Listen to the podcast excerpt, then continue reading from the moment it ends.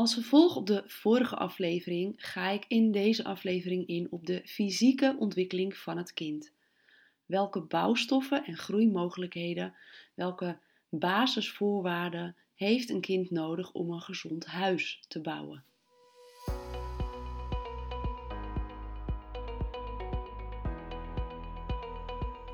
Natuurlijk een gezond huis bouwen. Niet alles gaat optimaal. En zeker in het leven van pleegkinderen is de start niet altijd geweldig geweest. Dat hoef ik je niet uit te leggen. Maar ik ga hieruit van de gezonde basisvoorwaarden, zodat je een richtlijn hebt om naar toe te werken, om pleegouders over te informeren wat zij kunnen doen om te zorgen dat een kind de bouw van het huis kan optimaliseren kan restaureren, kan repareren. En om bij het begin te beginnen, gaat het hier al over de voedingsstoffen die een moeder in zich heeft, tot zich neemt, al voordat zij zwanger wordt. Tijdens de zwangerschap is natuurlijk voeding een hele belangrijke en na de geboorte tijdens het geven van de borstvoeding. Maar in het kader van pleegkinderen is dit gepasseerd station omdat een kind niet meer bij zijn moeder is, misschien zelfs al direct na de geboorte. En om je een beeld te geven van voeding en hoe ik daarnaar kijk, wil ik je eerst even meenemen naar een voorbeeld. Een praktijkvoorbeeld van toen onze jongste drie nog echt jong waren. En dan heb ik het over de eerste zevenjaarsfase, de peuters en de kleuters en wij hadden een seizoenkaart voor Sprookjes Wonderland in Enkhuizen. Voor ons op steenworp afstand en een prachtig park in de leeftijdsfase waarin ze nog volop in die fantasiewereld opgaan. In Sprookjes Wonderland is een theatershow van Violinde, van het sprookje Violinde, in het kasteel van Violinde. In een zaal, voorin bankjes voor de kinderen en daarachter stoelen voor de ouders. En wat ik daar meermaals zag, is dat veel kinderen, jonge kinderen al, niet in staat zijn om met aandacht het verhaal tot zich te nemen. Om stil te zitten. De meeste kinderen zitten te wiebelen, te frummelen en zijn echt binnen een aantal minuten afgehaakt. En natuurlijk heeft leeftijd hier een, uh, speelt leeftijd hier een aandeel in. Maar toch zag ik hele grote verschillen tussen het ene jonge kind en het andere jonge kind. Nou, hoe komt dat nou? Je kunnen concentreren heeft te maken met bouwstoffen die jouw hersenen nodig hebben. Of die de hersenen van het kind nodig hebben, maar jij natuurlijk ook. En die belangrijkste bouwstoffen ontbreken te vaak in het basisvoedingspatroon. En hierbij moet je denken aan vette vis, de omega-3 vetzuren uit vis. Mineralen, en dan met name magnesium, is een grote speler waarvan vaak tekorten zijn in onze huidige voeding. Simpelweg door de uitputting van onze landbouwgronden, de intensiviteit waarmee we de landbouwgronden, de landbouwgrond ehm, gebruiken hier in Nederland, maar ook in de landen om ons heen, dus ook de importgroenten en een tekort aan water. Veel kinderen drinken te weinig water. En dat kan natuurlijk ook in de vorm van thee zijn. En dan heb ik het wel over kruidenthee. Niet de zwarte thee, want die, uh, daar zitten veel looistoffen in. Dus dat wordt niet altijd volledig opgenomen, benut. Maar om voedingsstoffen naar de hersenen te transporteren, is simpelweg water nodig. En ik stel me dan altijd het verschil voor van een uh, helder stromend beekje en een stilstaand slootje. In dat stilstaand slootje worden de afvalstoffen niet weggevoerd en er komen geen nieuwe verse voedingsstoffen aan bij in dit geval de hersenen. En de hersenen hebben een hele belangrijke functie in het aansturen en het coördineren van alle processen in ons lichaam. Dus dit is een hele belangrijke. Dus dan zijn we bij het uh, minimaal één keer in de week vette vis eten of het gebruiken van visoliecapsules van goede kwaliteit.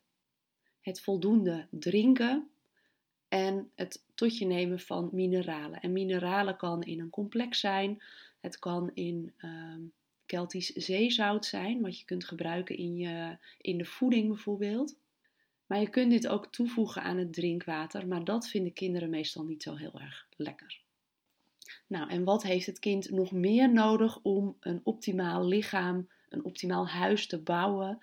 Dat ga ik hier even heel kortweg benoemen in het rijtje groente en fruit, vlees en vis, noten, eieren, pitten en zaden. En dat zijn de basisingrediënten voor een gezonde voeding.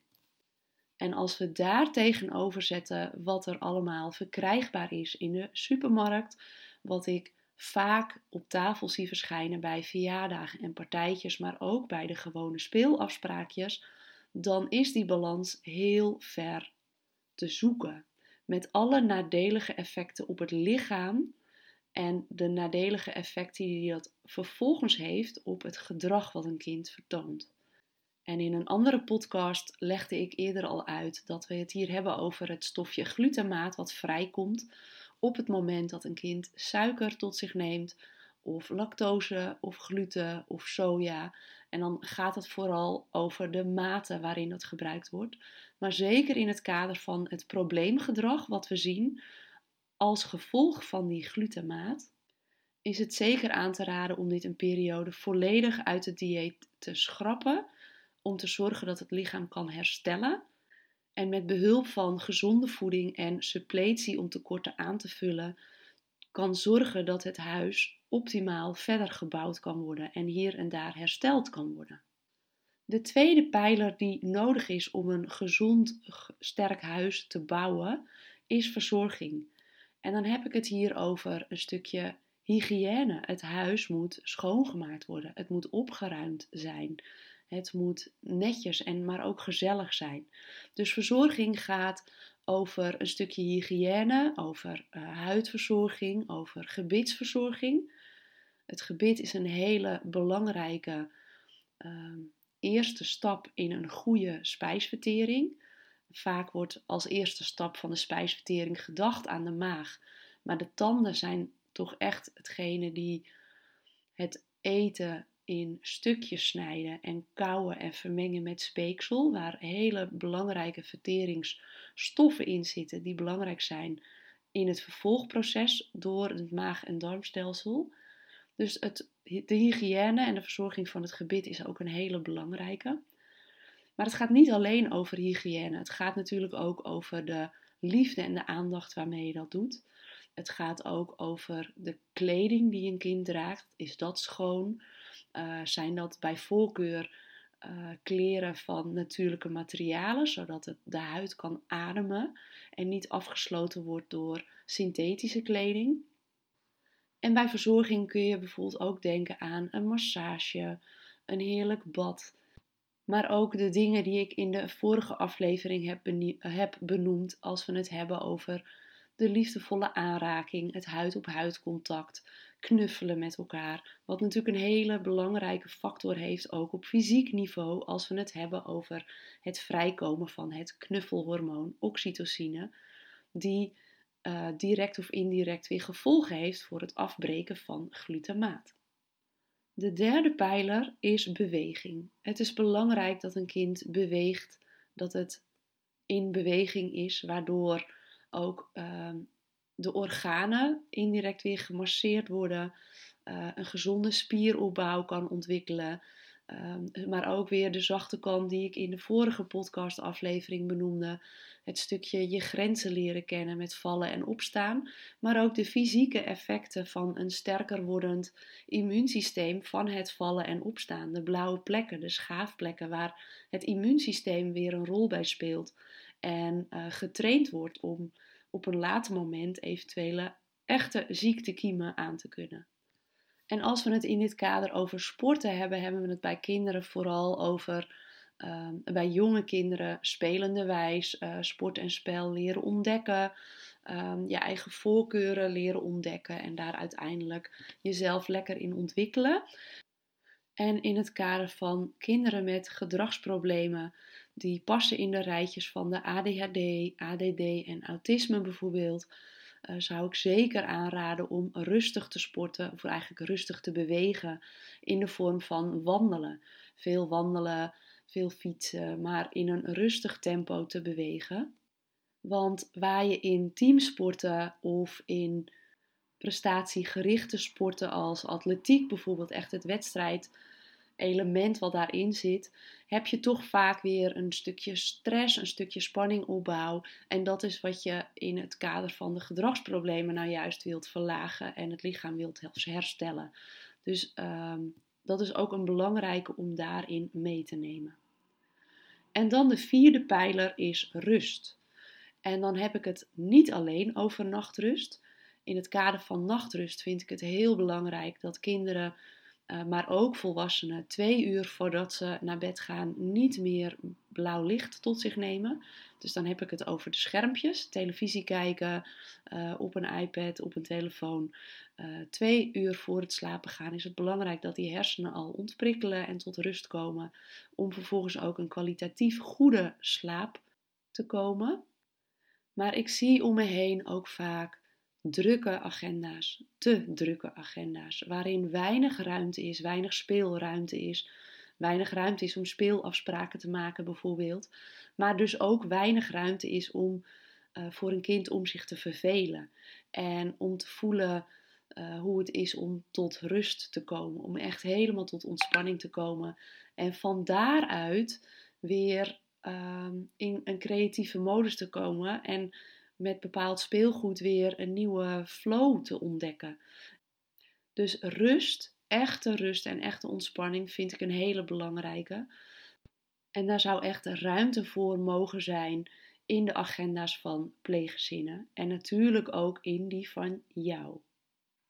Want daar waar cellen heel goed grenzen aan weten te geven, want op celniveau is het zo dat als een cel uh, richting een overbelasting gaat, dan trekt hij zijn sensoren in en gaat hij rusten, waardoor de andere processen in het lichaam dan maar stil liggen.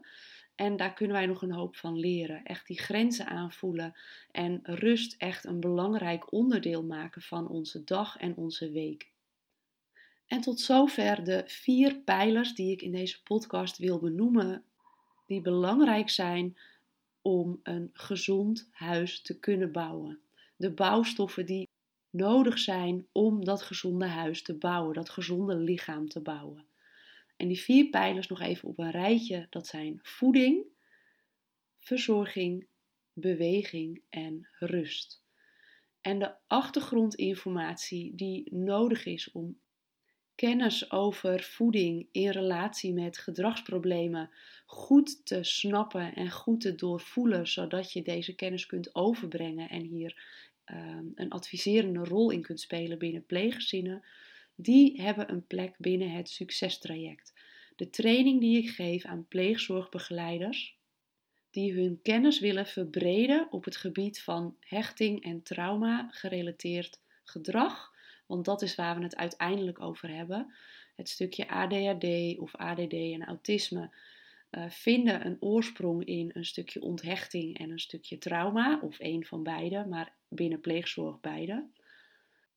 En vanuit daar wat er gebeurt op fysiek niveau, zodat je een hele waardevolle aanvulling kunt zijn op de mentale en emotionele gerichte therapieën. Want dat is waar psychologie, de huidige psychologie, zich op richt. Waar gezinscoaching, gedragstherapieën en dergelijke op gericht zijn.